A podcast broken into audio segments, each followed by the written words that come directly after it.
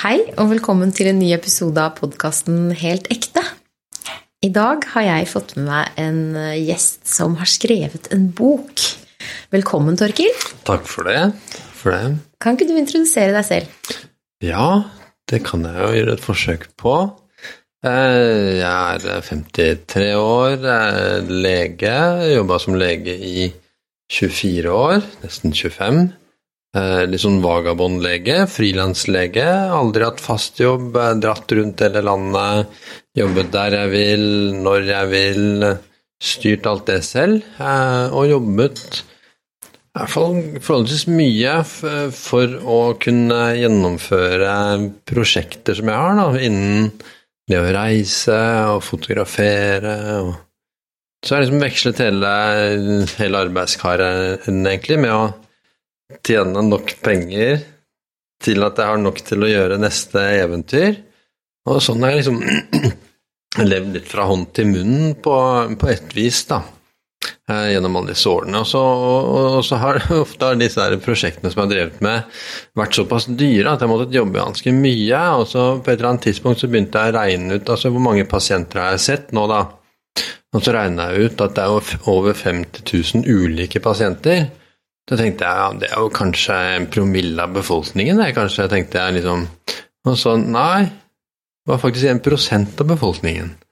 Og da begynte jeg å tenke at jøss, hm, her har jeg jo sett ganske mye, kanskje jeg har lært mer enn jeg trodde.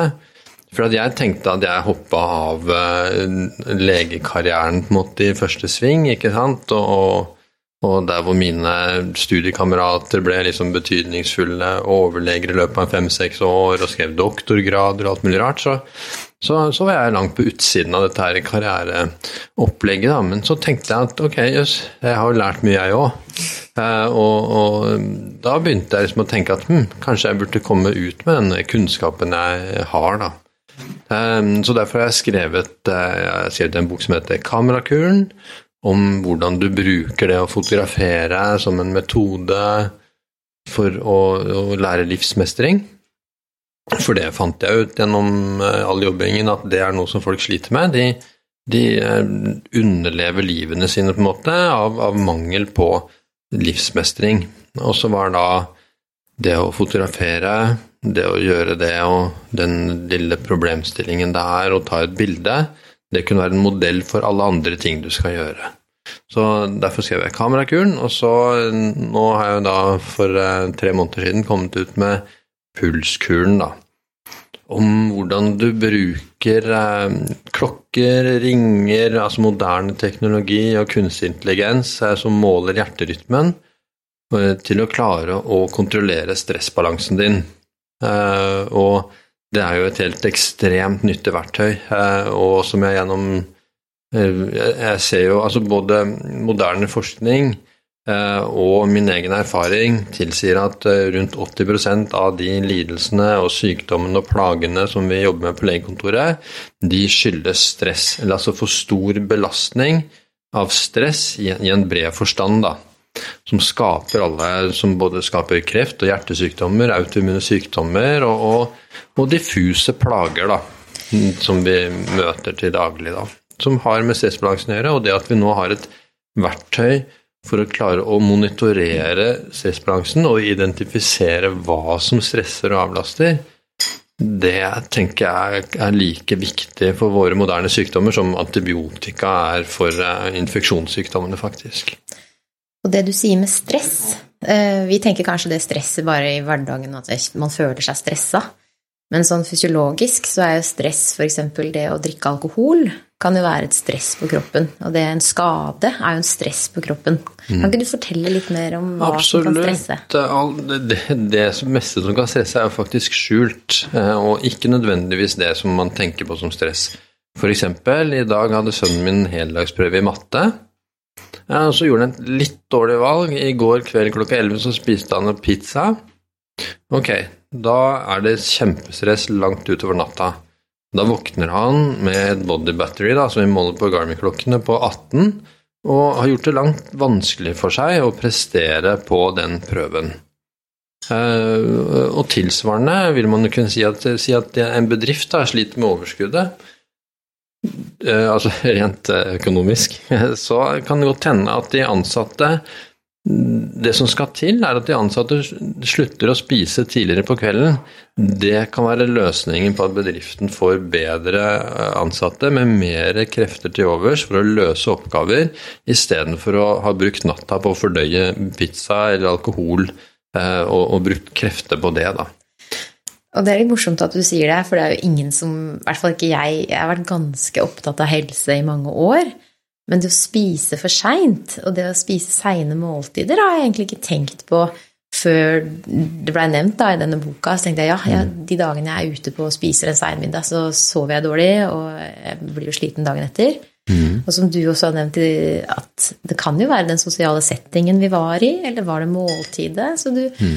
uh, du spør litt sånn om hvordan man kan finne ut av hva som stresser mest. For sosiale settinger kan også stresse mm. mye for mange. Ja. Ja, og, og, det kan jo både være positivt og negativt eh, stress, det. Um, sånn at selv om du gjør noe spennende og artig og har hatt en veldig hyggelig kveld med gode venner, så kan det også ha hatt en, en belastningspris, da. Mm. Som du kanskje må kompensere for eh, dagen etter. Som man kanskje ikke har tenkt på. Så at plutselig så får du denne fartsmåleren på håndleddet som, som du ikke har hatt. da og, og, da finner du som regel noe interessant. Sånn som, sånn som i, um, Jeg driver et nettsted som heter pulskuren.no med 1200 medlemmer, hvor folk legger ut kurver og erfaringer og stiller spørsmål og kommer med artige observasjoner også. Og i dag var det en som la ut eh, at eh, det er buss for tog. Og så kunne hun vise til at det var mye mer stress å sitte på bussen enn toget. Ja. Ikke sant? sånne ting Plutselig så ser man det Oi, det var litt spennende, ikke sant. Og, og, dermed så klarer du å i en større grad identifisere hva er det som tapper deg for energi, og hva er det som gir deg energi. Og så kan du da finne ut ok, er det som tapper meg for energi, vil jeg ha det, eller er det bare bortkasta?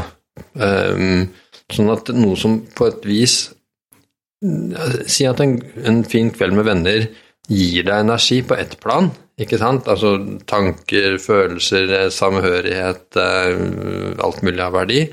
Men på et annet plan så har du brukt mye krefter på det. Uh, ser jeg. Mm -hmm. uh, og, og, da må du kanskje ta det litt mer med ro dagen etter, kanskje, ikke sant?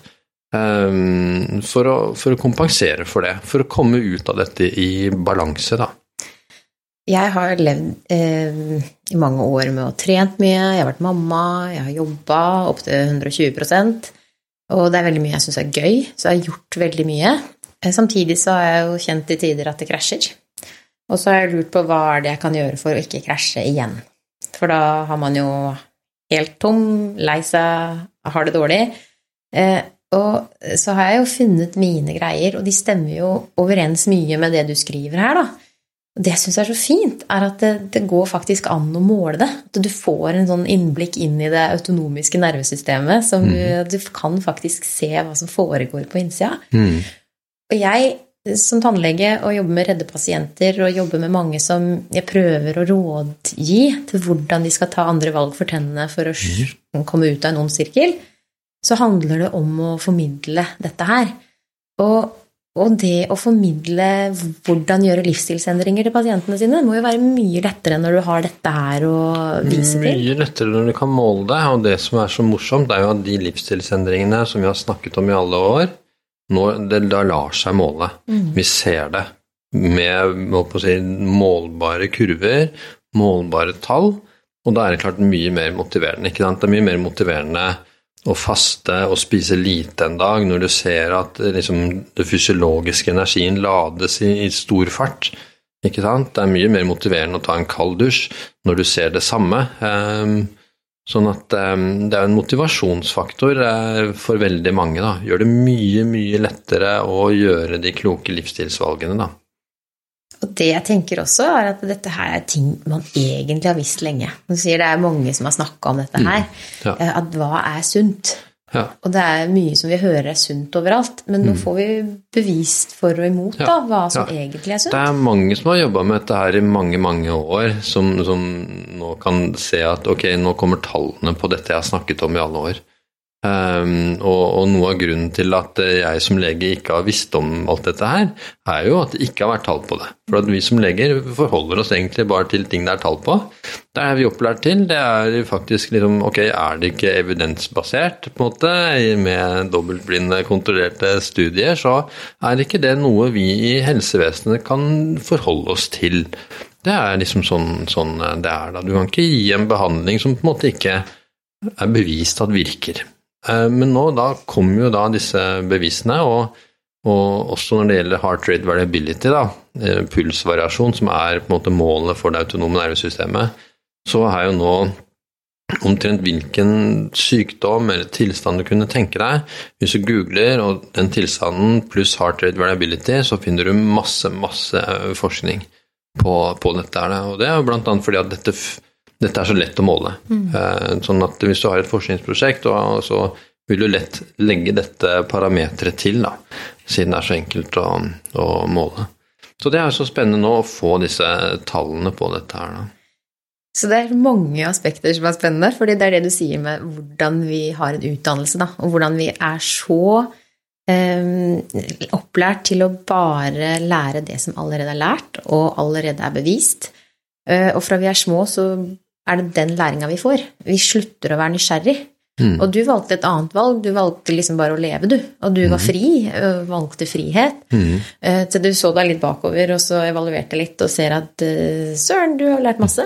Mm. Å være nysgjerrig på hva er det jeg har lært, da. Ja. Det er sånn ufrivillig. Så jeg har jo lært mye av å, gjøre det på denne måten, liksom. Og lært noe som de andre ikke lærte, for at, de, for at de, heller ikke så etter det. Um, sånn at um, så det har jo vært eh, Jeg hadde nok ikke fått skrevet disse bøkene og koblet det å fotografere med helse og det å måle pulsen med helse, om jeg ikke hadde gått denne slags omveien da, i medisinen. medisin. Men er du nysgjerrig på mennesker også?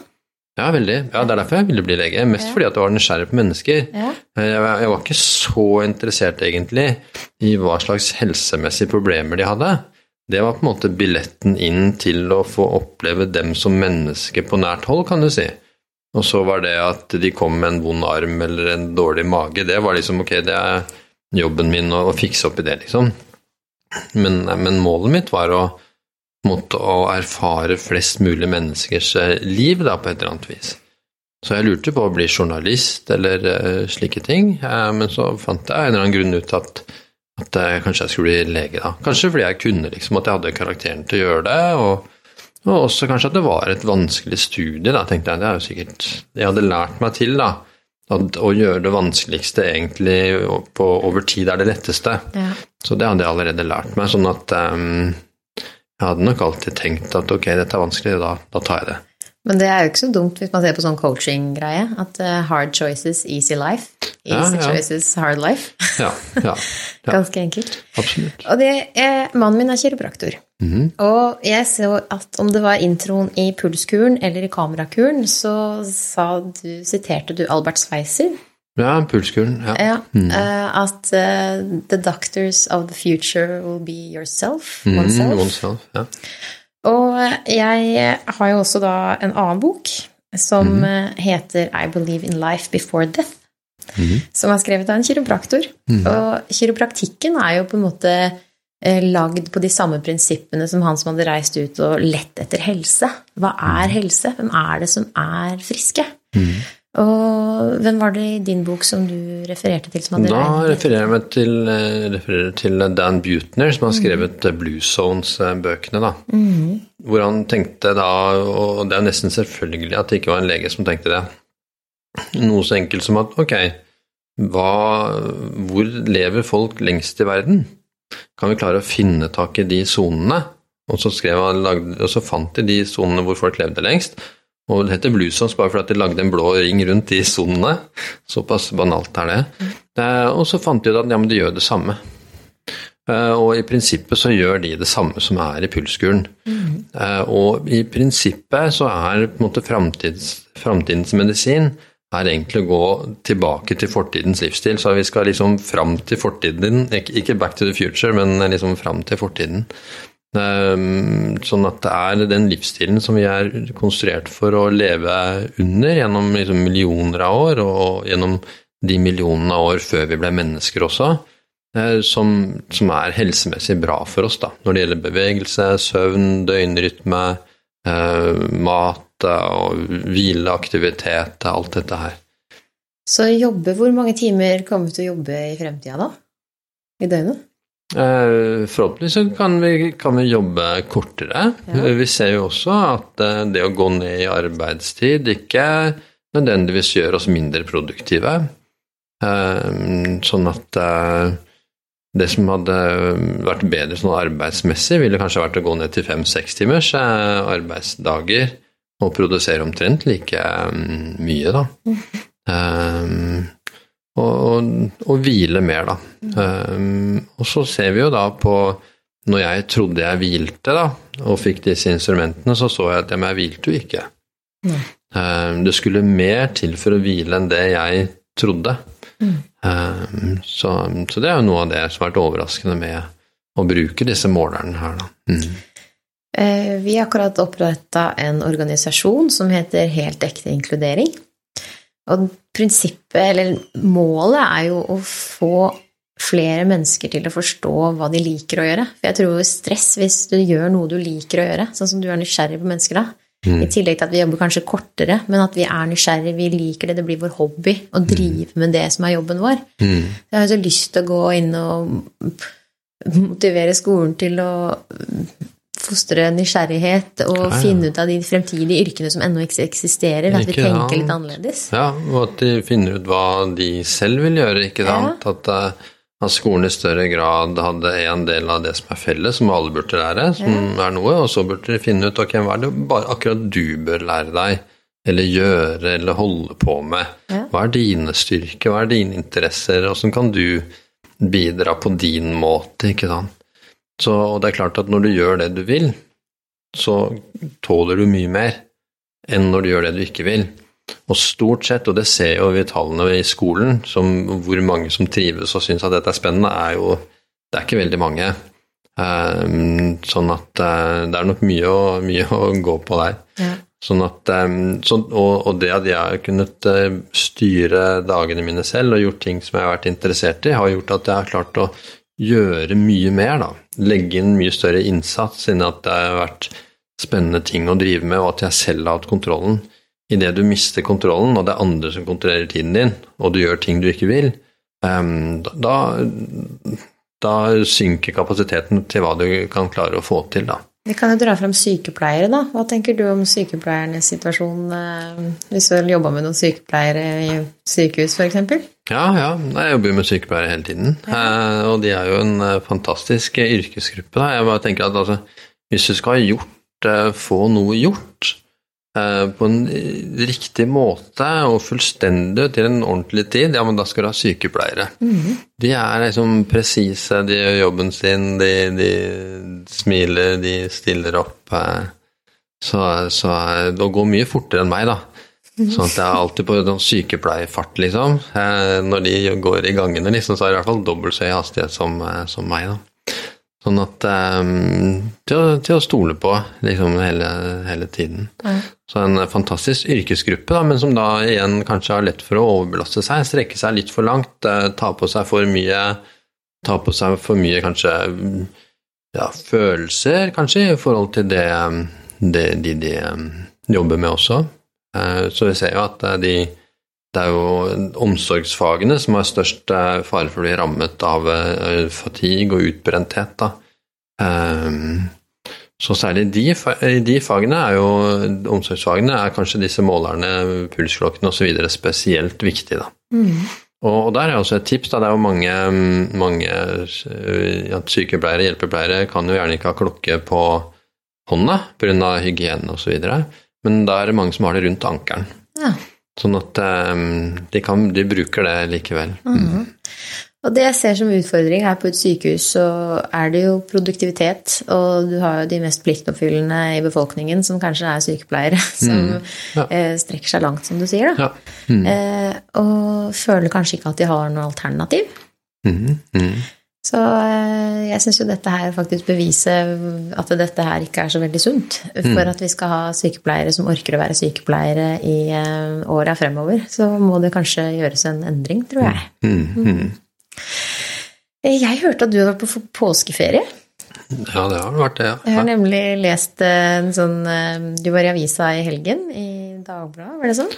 Ja, Dagens Næringsliv Dagens. Næringsliv, var det. ja. Mm, portrett i Dagens Næringsliv. Ja. Ja. Mm, eh, hadde en fin påskeferie. absolutt. Ja. Mhm. Du gikk langt på ski.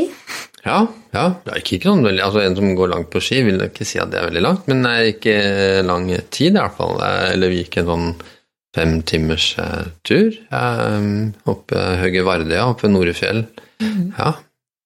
Jeg um, brukte mye av påskeferien min da, til å lese gjennom din bok. Og da lå jeg på sofaen og tenkte at nå skal jeg lade, nå skal jeg lese. Var veldig bevisst på hva som skjedde i kroppen, og så eh, skulle jeg gå på ski, og så kjente jeg at jeg stresse meg, og så måtte jeg restituere, og så ble jeg jo veldig sånn obs på hviler jeg nok, går jeg for mye på ski, spiser jeg riktig? Vi hadde ikke noe alkohol med på påskefjellet. Mhm, mhm. For, øh, fordi, både fordi vi ikke hadde så veldig lyst på, men fordi at vi kjente at nå hadde vi lyst på en ferie der vi skulle bygge overskudd. Mhm, Så leser jeg også i boka di da at øh, alkohol tapper oss veldig for energi. mhm. Eh, Men hvis man blir for bevisst og for opphengt i en ting, eh, så er det, tenker jeg, det fort kan bli en litt sånn døgnflue. da. At man blir litt sånn lei, at man blir stressa, mer stressa av å følge med enn eh, hva godt det gir. Eh, Er det en problemstilling du har møtt når du Ja, det er, det er mange som er bekymra for det før de begynner. At dette er noe som kommer til å stresse dem veldig, og du blir veldig opptatt av det, du blir veldig redd hvis de ser dårlige resultater og, og sånt noe, men det, det ser mer ut til at folk um, syns det er gøy. Uh, syns det er morsomt å følge med på. Gøy når de kan begynne å gjøre ting som de ser resultatene av. sånn at um, Min erfaring er at det egentlig ikke har vært noe eh, problemstilling, og, et, og, og ganske fort så, så faller det inn i de tingene som er naturlig uh, av alt du følger med på gjennom en dag. Ikke sant? Så blir det Altså, du følger på en måte allerede på med 100 ting, og så er dette nummer 101. Sånn at den, den forskjellen blir egentlig ikke så stor. Om du følger med på nyheter eller Facebook eller Instagram, og så ser du på dette i tillegg. Så den, det, det har ikke vist seg å være noe stort problem, i hvert fall. Det, det, det som har vist seg, da, er jo i de tilfellene hvor de skjønner at ok, men her har jeg et stort problem. Jeg har elendige tall. Jeg ligger faktisk tynt an her, ser jeg. Eh, Men da er det jo en realitetsorientering som de må ta hensyn til. Liksom, ok, stopp, stopp her, liksom, før det smeller i, i veggen. Um, og, men, men da er det ikke Da har de jo oppfattet et, et stort problem um, som må tas tak i. Så da da, um, da tenker jeg ikke på det på den måten. Det, um, at, at det er noe problem at de blir stressa av det. Da har de en grunn til å bli stressa av det. Eh, Og helst før de mm, kommer i en sånn fatigue-situasjon. da. For jeg er helt sikker på at du kommer ikke i en fatigue-situasjon uten at disse instrumentene har eh, alarmert deg i lange tider før, eh, før du bryter sammen, på en måte. Ja. Men så har du sånne som pappaen min, da, som folk, eh, fikk diabetes for noen år siden. Og vi tenkte ja, men da skjønner du at det kanskje er noe som kan endres på i mm, både inntak og aktivitet og alkohol og sånt. Eh, men så var det motiverende en periode, så at det gikk ganske greit. Men så var det mye enklere å ta disse to pillene istedenfor å kontrollere det med kosthold og livsstil, og det levde han godt med, fordi hvis ikke så var det ikke noe poeng, på en måte. For han likte denne livsstilen. Han liker å slappe av. Han nyter mye. Mm. Eh, hvordan ville du da gått og råda en person som er egentlig veldig tilfreds med sitt liv? Kanskje ikke har lyst til å Mm.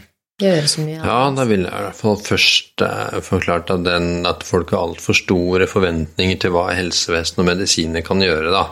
Og så har de for lave forventninger til hva de selv kan gjøre.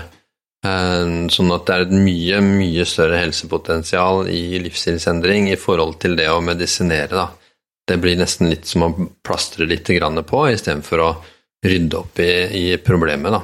Så, så eh, da vil jeg nok absolutt eh, rådet han til å snu om på kost og bevegelse og livsstil i, i forhold til det, da. Det er mye mer å hente på det, ja. Jeg tok opp dette her, jeg har jo Svogeren min er lege, han var på hyttetur med oss i påska. Og jeg snakka litt om da med medisinbruk, om kunne vi, kunne det være mulig å endre liksom Ta helse i rette enden, sånn som du skisserer at det er fremtiden. Og så var jo påstanden at nei, men folk vil jo ikke endre livsstilen sin. Nei. Og da tenkte jeg, og tok jeg et eksempel fra min hverdag som tannlege, eh, for vi er jo vant til å slutte, be folk slutte å røyke. Og så eh, sa jeg det at eh, når jeg forklarer pasienter på en måte de kan forstå at sånn her er situasjonen din med tennene, og når du røyker, så er det naturlig ting at du får denne tannkjøttsykdommen som er i ferd med å gjøre at du mister tennene dine, og hva som du kan gjøre for å unngå at det skjer. Når jeg forklarer det på en måte som de forstår, så hadde jeg to stykker samme uka som kom og sa som jeg aldri hadde trodd kom til å slutte å røyke, eh, som kom og sa at nei, han har slutta å røyke. Mm. Og da tenkte jeg det er jo håp. Mm. Fordi hvis du forklarer det og be, gjør, eller får folk til å finne sin egen motivasjon da, Mm. til å endre livsstilen sin eller til å gjøre valg, og forklarer de på en måte, så er sannsynligheten for at de faktisk velger å være friske, mye større. Mm. Ja, den vil nok øke da, og det er jo interessant med tenner, for tenner er jo ofte noe du kan se den generelle helsetilstanden i kroppen veldig godt på, ikke sant? Hud og, og tenner og hvis det er dårlig, da, og pga. enten du røyker eller fordi du har en sukkersyke eller, eller hva det nå skulle være, så er jo det egentlig bare mm, tegn på at cellene dine generelt er under stress, da. Er under stor belastning. Sånn at eh, det at blodsukkeret til faren din er høyt, er, er på en måte nesten det minste problemet. Problemet med det, med det er egentlig at det bare er et symptom på at alle cellene i kroppen er under stress, og alle cellene i kroppen underpresterer, og ikke minst de i hjernen din. Det er jo det største problemet. Eh, For at eh, de ser jo nå at mer enn halvparten av depresjon og angst egentlig bare er måten hjernecellene og hjernen din reagerer på en metabolsk ubalanse, på dårlige mitokondrier eh, hjernen. Eh, Da snakker jeg ikke om, om, om situasjoner hvor du er deprimert fordi at kona har forlatt deg, eller du sliter med angst for at du opplevde overgrep, f.eks., men de mange tilfellene hvor du spør som lege da, hvorfor er du engstelig, hva er du deprimert for, og så sier de jeg vet ikke. Eh, Det er på en måte et tegn på at det som er grunnen til den type depresjon, det er dårlig fungerende celler, dårlig fungerende mitokondrier, altså de som driver cellene, drifter cellene, eh, er for dårlige, og da, blir, da oppfører hjernen seg sånn. Eh, Og da er ikke løsningen i de tilfellene å, å snakke mer om det. Det er ikke det som er problemet. Eh, Sånn at når de kommer i bedre metabolsk balanse, begynner å trene bedre, spiser sunnere, slutter å røyke, sover bedre, så forsvinner den angst eller depresjonen. Fordi at cellene, mitokondriene, fungerer bedre, eh, og og hjernen din vil fungere bedre da.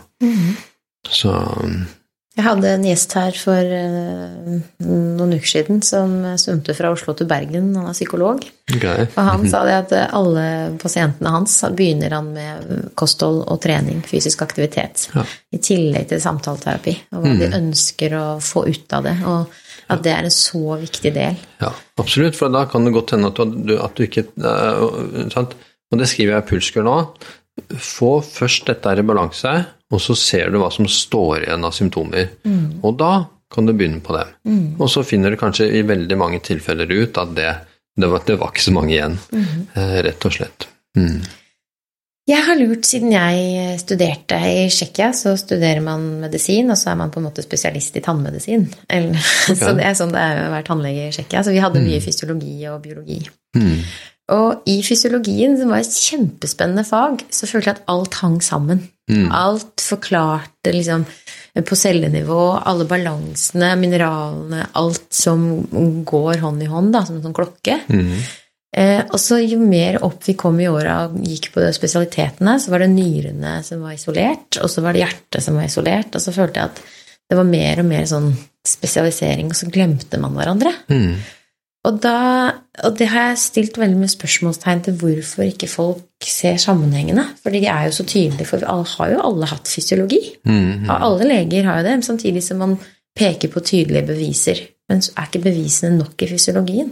Mm. Og da jeg leste boka di, så skrev jeg jo masse sånn i margen. og så ja, men hva med fysiologien? Og så på neste side så hadde du faktisk nevnt dette her. At Mm. det er jo, har jo vært der alltid, men det er for stort til at vi kan vise i én enkelt studie, kanskje. Mm. Ja, men altså det er jo det er sånn som jeg sier, Vi snakker jo ofte er det, er det psykisk eller eh, fysisk.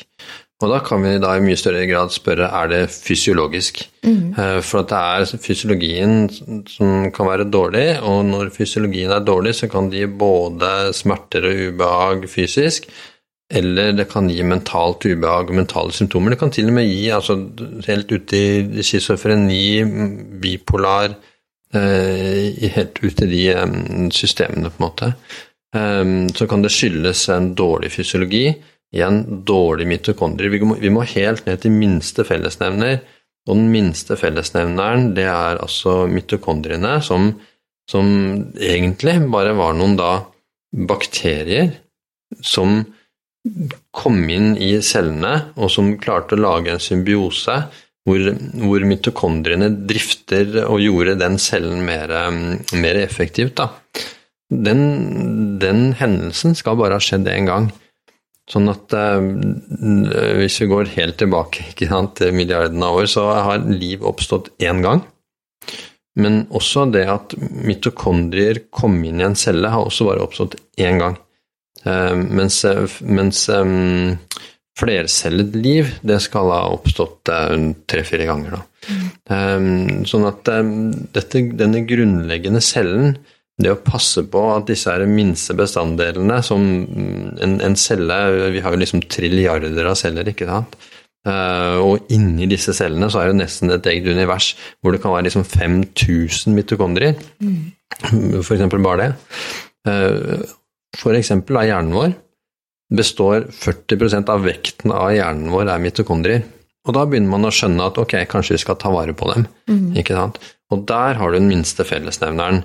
Som når de ikke fungerer, så får du hjertesykdommer, kreft, du får mentale lidelser, du får autoimmune sykdommer og, og alt det vi jobber med. Og når da folk har sittet på hver sin haug og jobbet med, isolert med alle disse sykdommene, så har de ikke sett sammenhengen.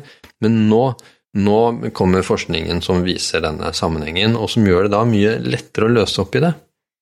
Og jeg har lurt, hvor mye bevis må man ha for å ikke lenger kalle noe alternativt? Vil du si at dette her er ikke noe Ja, dette er ikke noe alternativ. Nei, for dette Nei, nei. er medisin. Dette Ja, det, ja, dette er hardcore medisin, men, men, men medisin er jo så, så stort at, at, at uh, sannsynligvis 95% av legene har ikke fått med seg dette her. Altså, det er jo liksom millioner av forskningsresultater, det skal ganske mye til for å ha, ha oversikt, eh, men, uh, men, men dette er uh, forskning gjennom titalls år, sikkert kanskje de første som ble oppmerksom på hvor viktig mitokondriene var, kanskje for 50 år siden, liksom.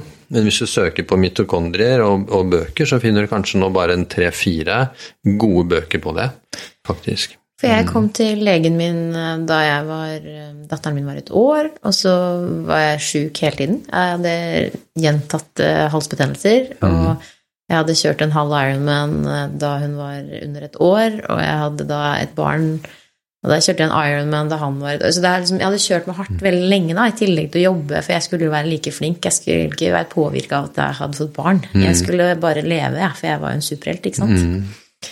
Og så skjønte jeg ikke da når at jeg bare ble sjuk, og jeg følte at jeg Nå sov vi jo godt, for hun hadde jo blitt eh, såpass gammel at vi sov jo jevnlig, men jeg var på en måte Det var noe som var feil, da. Og så gikk jeg til legen, og så prøvde jeg å finne ut av det, og så snakka han om at jeg blei reinfisert Ja, men jeg skal jo ikke bli sjuk. Jeg er jo frisk, jeg tar vare på kroppen min, jeg prøver å spise alt jeg kan for å liksom Prøvde å ta hensyn til alt. Eh, og så gikk jeg Kan det noe være noe med immunforsvaret mitt? Nei, det, det var liksom ikke noen hensyn på immunforsvaret, men jeg var liksom helt sikker på at dette måtte jo ha noe med immunforsvaret mitt å gjøre. Jeg fortsatte jo å bli sjuk, og en frisk person skal jo ikke være, bli sjuk hele tiden.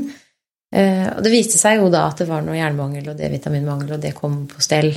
Og at jeg hvilte mer og tok mer hensyn til meg. Mm. Men, men det i det hele tatt å snakke om immunforsvaret, føler jeg hvis du kommer til en vanlig lege, at det Mm. på en måte blir skjøvet litt under bordet. Ja, og det går jo også mye på at ikke vi har noen gode mål på det. Vi har ikke noen eh, blodprøver egentlig som viser tilstanden i det. Um, og, men det har vi jo her, da. Så heart rate variability eh, henviser jeg også til boka til Jenna Makioki, en uh, britisk eh, immunolog, som sier at heart rate variability er et mål på tilstanden i immunforsvaret. da.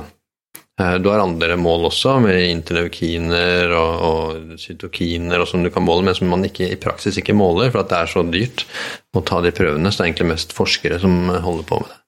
Men heart rate variability, da, som, vi, som er i disse pulsklokkene, ringene osv., det er et mål på tilstanden i immunforsvaret. Så når den heart rate variability er lav, sånn som den helt sikkert var når du holdt på med Ironman og samtidig unger og alt annet skal gjøres, så er det et tegn på at immunforsvaret Altså, alt går fra én konto. Ja. Eller, altså, den kreftene som går til å trene, kreftene som går til å ta seg av barn, kreftene som går til å jobbe, alt tas fra samme budsjettet, og der er også immunforsvaret. Og de regner jo faktisk med at 20% av energien vår går til hjernen, og like mye av energibudsjettet vårt går til immunforsvaret. Men det er klart at når, når, eh, når eh, fysiologien din hele tiden må jobbe med å reparere etter en trening, ja, da, da må det tas fra et sted, da. Eh, Og, og da tas det gjerne fra immunforsvaret, som, som på en prioritert ned, da. I en stressituasjon, i en akutt stressituasjon, så er det det langsiktige immunforsvaret som blir nedprioritert, ikke sant. Så hvis du hele tiden stresser kroppen din, så blir det holdt tilbake. Og hvis du ikke har sørget for nok hvile til at um, immunforsvaret får kommet seg inn igjen, så, så vil du bli sjukere. Så det er en treningsdose for å bli bedre uh, og og sterkere og slå rekorder, men det er en helt annen treningsdose for å holde deg frisk og leve lenge. Og det han Gert Ingebrigtsen, han sier at man i hvert fall trene minst mulig for å bli best mulig. Mm, ja. Og det å finne, da gå inn i kroppen og se hva er det som er lurt og bærekraftig At det er Mm. akkurat som da Ja. Og nå ser du, altså Kasper Ruud bruker disse instrumentene her. Um, Firstbeat sine instrumenter. First Beat sine algoritmer er tallene bak Garmins body battery og stressystem, som er det som er det beste systemet for folk flest nå, da. Um, og det gjelder å trene etter restitusjon. Altså utnytte Altså du må være like god på hvile som du er på anstrengelse uh, for å bli best mulig i, i trening, ikke sant. Altså de beste idrettsutøverne sover jo liksom tolv timer. Sover kanskje ti timer på natta, ikke sant? så prøver å få inn to timers søvn i løpet av ettermiddagen før til neste trening osv. Så, videre. så du må være like god på restitusjon som, som du er på anstrengelse for å bli best. da. Og, og, men samme må også vi gjøre, enten det er i hverdagslivet eller i bedrifter, om du er leder eller hva som helst. Hvis du skal ta gode valg, så må du ha en stressbalanse som er god, da. For det er først, eh, og det ser jeg som lege, ikke sant? at når, når eh, jeg alarmen går og, og jeg er ute i en ambulanse på vei til et eller annet um, akuttilfelle, da, om det er hjertestans eller dårlig barn eller hva det skulle være, så vet du at jeg må roe meg ned.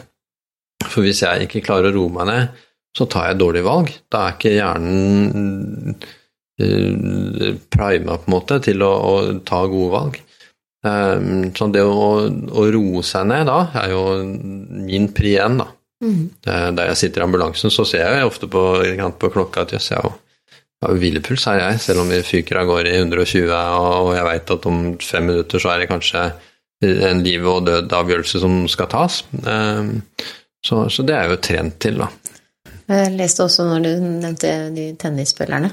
De beste tennisspillerne, det som gjør den store forskjellen, er de som puster og aktiverer, eh, mm. kroppen. Ja, de, de tennisspillerne som klarer å roe seg ned mellom slagene, Mm. eh, er gjennomsnittlig de som er best. Yeah. Men så har du selvfølgelig John McEnroe, da. Ikke sant? Som, jeg vet ikke hvor mye du vet om tennis, Nei, men, men John McEnroe var jo denne villbassen som, som helt sikkert ikke pusta særlig rolig mellom slagene, da, for å si det sånn. Men som da ble da, eh, han er kanskje det ennå, tidenes beste tennisspiller. Mm. Eh, Og, og, og Bjørn Borg slutta jo å spille tennis, eh, holdt på å si, etter å bli slått av han.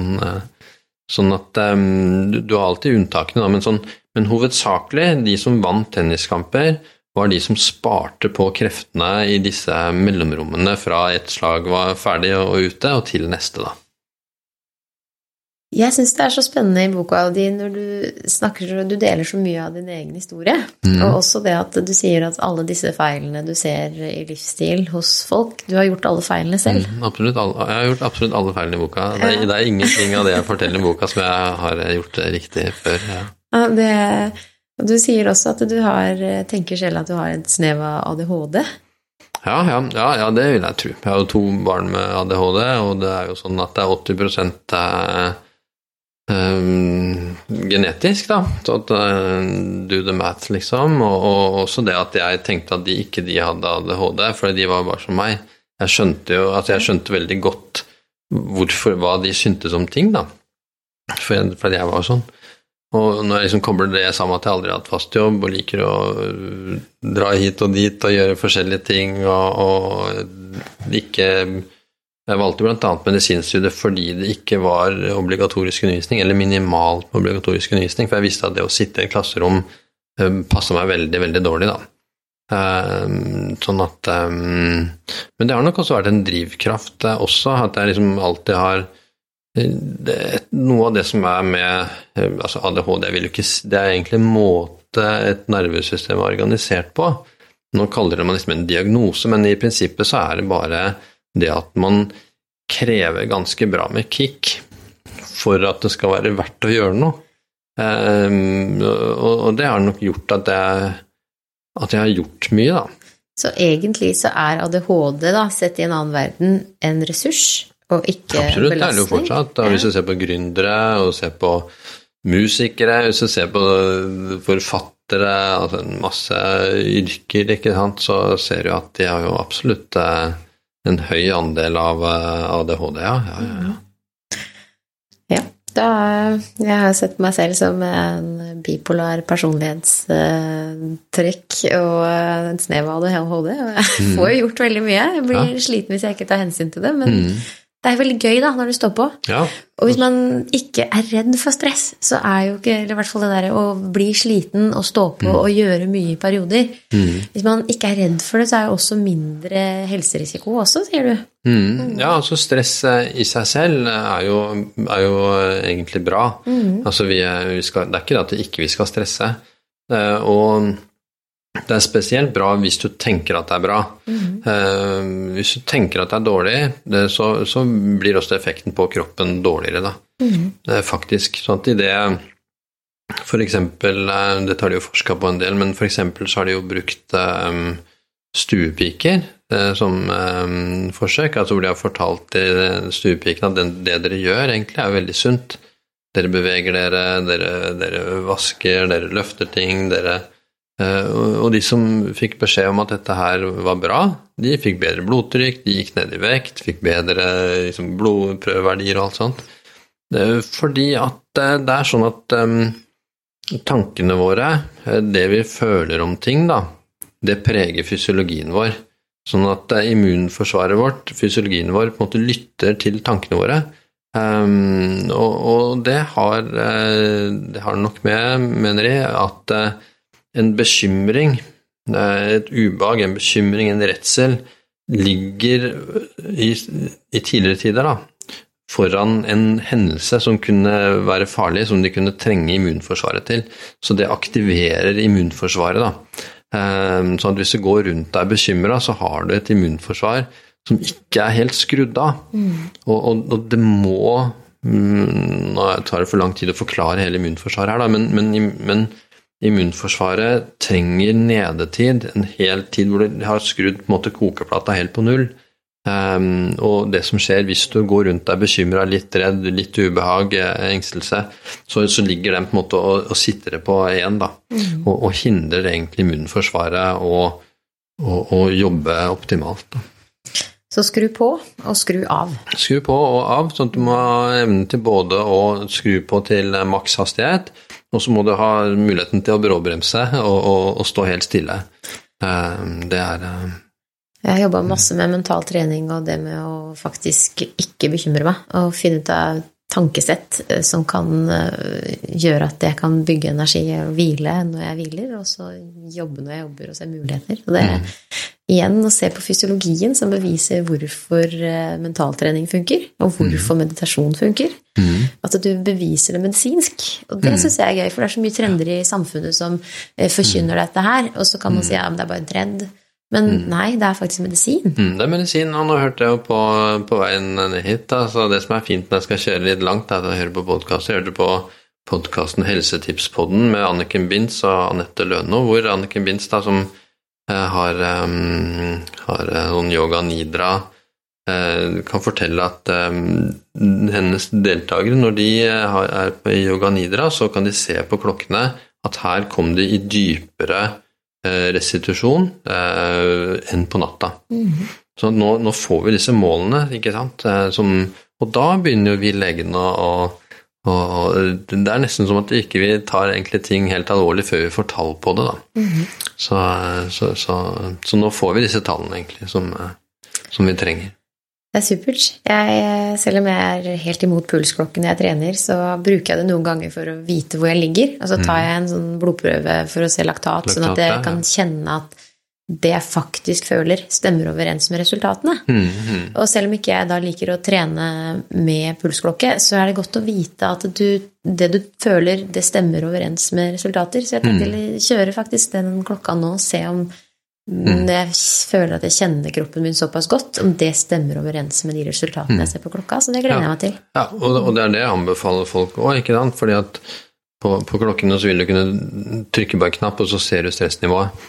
Uh, og da bør du først uh, tippe hva det er. Mm. På den måten blir du mer kjent med deg selv. ikke sant? Så det er En ting som er vanlig folk spør om, er liksom ja, klarer vi ikke å kjenne dette selv? Nei, det klarer vi ikke fordi at eh, vi gjennom historien, evolusjonen, ikke har trengt denne sansen innover. For at eh, det vi har gjort, har vært i tråd med livsbetingelsene, på en måte.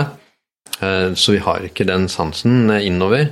Men vi kan altså lære oss gjennom å tippe hva, hvilket stressnivå ligger jeg på, og så se etter det. Så lærer vi oss bedre å, å kjenne det.